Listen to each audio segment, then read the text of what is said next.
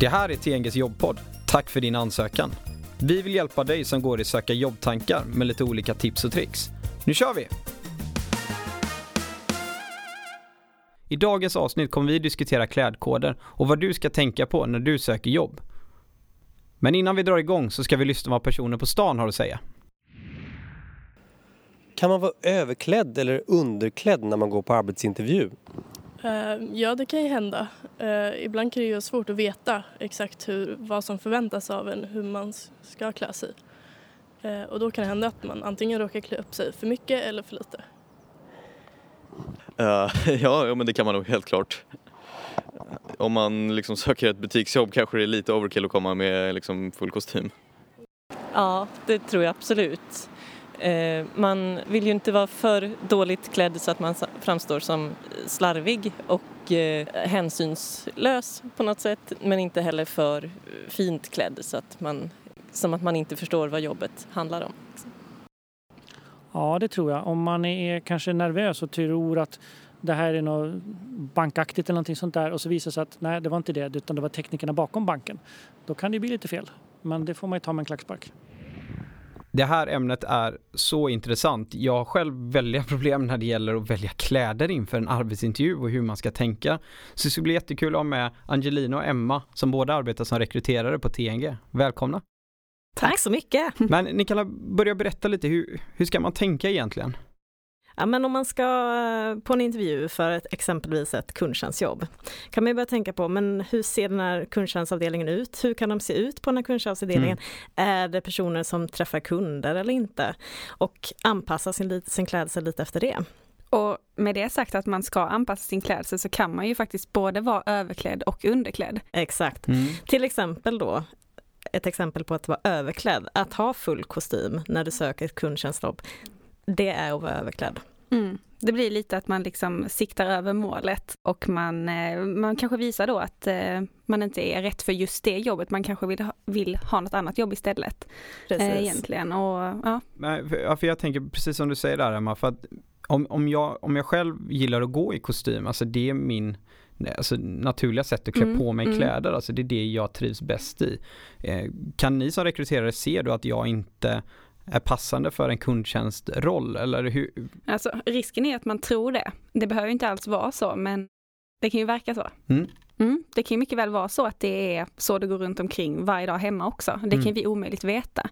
Eh, det enda tipset som vi kan ge det är att man försöker göra lite research innan. Eh, försök ta reda på hur det är på den arbetsplatsen, hur folk klär sig och om det finns någon dresscode. Okay. Det kan man göra på olika sätt också. Till exempel, man kan försöka tjuvkika på hemsidan om eh, de, hur de försöker porträttera sig där. Mm. Man kanske kan fråga någon eh, om man vet någon som jobbar där eller ja, fråga rekryteraren är ett jättebra tips om man använder sig, eller om man går genom ett rekryteringsföretag. Mm. Ja men jättebra.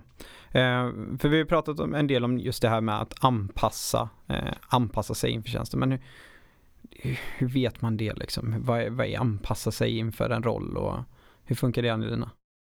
Ja, hur funkar det egentligen? Det handlar ju om att försöka visualisera hur det kommer vara på den här avdelningen. Och om man då älskar att ha kostym på sig så kanske man inte behöver ha kavajen just den dagen utan bara ta skjortan till exempel eller klä ner sig då. Det är det man i sådana fall får göra om man har kanske vilja att klä upp mm. sig. Mm. För, vi, och det är också någonting som man vill komma in på när man pratar om klädkoder för att det, min förståelse om rekryteringsbranschen till exempel, det är ju att ni som rekryteringsexperter ska se till min kompetens, alltså inte mm. fokusera så mycket på mm. hur jag ser ut. Såklart. Hur tänker ni där? Det är ju eh, verkligen en utmaning för det vill mm. vi ju verkligen göra, se mm. till kompetensen i mm. första hand. Sen är vi människor, vi påverkas av saker som vi inte alltid är medvetna om. Mm. Kläder kan ju definitivt vara en sån sak. Det kan ju göra att man bara får en känsla av någonting, att nej men den här personen kanske inte passar in där riktigt och det kan ju vara något omedvetet. Man mm. kan inte riktigt sätta fingret på vad det är. Mm. Men såklart så jobbar vi jättemycket för att inte påverkas av sådana här saker. Mm. mm. Det här handlar om att försöka vara så neutral som möjligt på mm. något sätt. Mm. Och det är klart att det kan vara en fördel att sticka ut lite personligt men att man ändå försöker hålla sig inom den här ramen. Mm. Sen är det ju självklart som du säger, om du gillar att ha kostym eller kavaj och det är då du gör bäst ifrån dig, känner dig mest trygg och liksom det är klart att då kan det vara en bra idé att ha det. Man ska ju känna sig bekväm också. Mm. Absolut, för mm. då kanske din kompetens kommer bäst fram. Mm. Ja. Så det är en jätteinvecklad fråga. Ja, nej men det, det, det blir ju ett intressant samtalsämne mm. och det ligger ju uppe på agendan ganska ofta när det kommer till intervjuformer. Jag har ett annat scenario som jag skulle vilja måla upp för er och eh, vi säger då att jag själv är på en intervju och för en kundtjänstroll eh, och jag mm. kommer i kostym för det är det jag trivs att mm. gå i och det kanske är överklädd mm. i den här situationen mm. för att jag har inte gjort min research eller jag har inte koll. Eh, hur kan jag rädda upp det då i en sån situation? Finns det någon möjlighet att göra det när man träffar personen som ska intervjua en? Ja, det kan man ju faktiskt ta av sig kavajen. Mm. Till exempel. Men sen är det inte hela världen heller. Man kan ju prata om det och bara oj, nu hade jag på mig kavaj och det kanske inte var helt rätt här. Så kan man prata om det. Eh, men om det är så att man ska gå vidare till kunden sen, då är det ju vårt jobb som rekryterare att coacha en och ge mm. tips för att man ska, det ska gå så bra som möjligt där. Okay. Och det kan ju innebära bara att man berättar, ja men där brukar man ha lite, inte vara så uppklädd och de flesta har skjorta på sig eller så. Mm. Så då tänker jag också när man söker jobb genom ett rekryteringsföretag och de personer som lyssnar på våran podd som kanske söker sina första jobb mm. eller söker nya jobb. Mm. Eh, kan man använda er rekryterare och få tips i det läget om man ska vidare på nästa intervju att faktiskt ställa den frågan vad klädkoden gäller. Har man koll på det då som rekryterare? Mm, mm, självklart, eller så är det vårt jobb att ta reda på det. Mm. Vi vill ju ge så goda förutsättningar som möjligt för kandidaten att ja. lyckas på eh, den kommande intervjun. Ja, vi vill ju verkligen att de ska lyckas. Det ligger ju i allas intresse. Vi vill ju mm. inte sätta dit någon. Nej, nej men jättebra. Det finns ju en annan del som eh, också ligger rätt högt upp på agendan och det har ju med tatueringar att göra som eh, är, alltså är det någonting som man eh, bör täcka inför en intervju eller hur, hur ska man tänka med sina tatueringar? Jag tycker inte att man behöver göra det. Det är ju som, som mycket andra saker när det gäller stil så är det ju en del av dig själv. Om du inte känner att du vill dölja det varje dag på jobbet framöver så ska du inte dölja det vid en intervju. De kommer inte försvinna. Och då handlar det ju någonstans om att eh, hamna på en plats där det är accepterat och där du kan vara dig själv. Mm. Om vi tar eh, klädtips till exempel, vad, vad har ni för slutliga tips till en kandidat som funderar på vad man ska ha på sig när man ska gå på intervju? Det viktiga är att man eh, klär sig bekvämt, att man känner att ens personlighet och så kommer fram så man inte går in i en klädsel som man verkligen inte trivs i eller känner är sig själv. Liksom. Mm. Men om man vill ha konkreta tips så, så kan man väl säga att sätta på sig en skjorta, det är aldrig fel. Nej. Nej. Eller vad säger du Emma? Nej, jag håller med. Men också att man försöker anpassa sig lite efter hur man tror att det kommer vara att jobba där. Och sen om man utgår från någonting, hellre kanske lite för uppklätt, lite för fint än lite för fult om man nu ska säga så. För det är ändå viktigt att tänka på liksom vad man utstrålar för någonting och mm. hur man kan uppfattas mm. Eh, och så. Och att man, men som sagt, att man ändå känner sig trygg i det man har på sig. Mm. Någonstans kanske visa upp sin personlighet med sin klädsel. Precis. Yes, jag tänkte att vi skulle prata om lite dos and don'ts. Eh, jag kommer slänga fram några exempel på klädsel och eh, tänkte att jag vill höra vad ni tycker om det är rätt eller fel.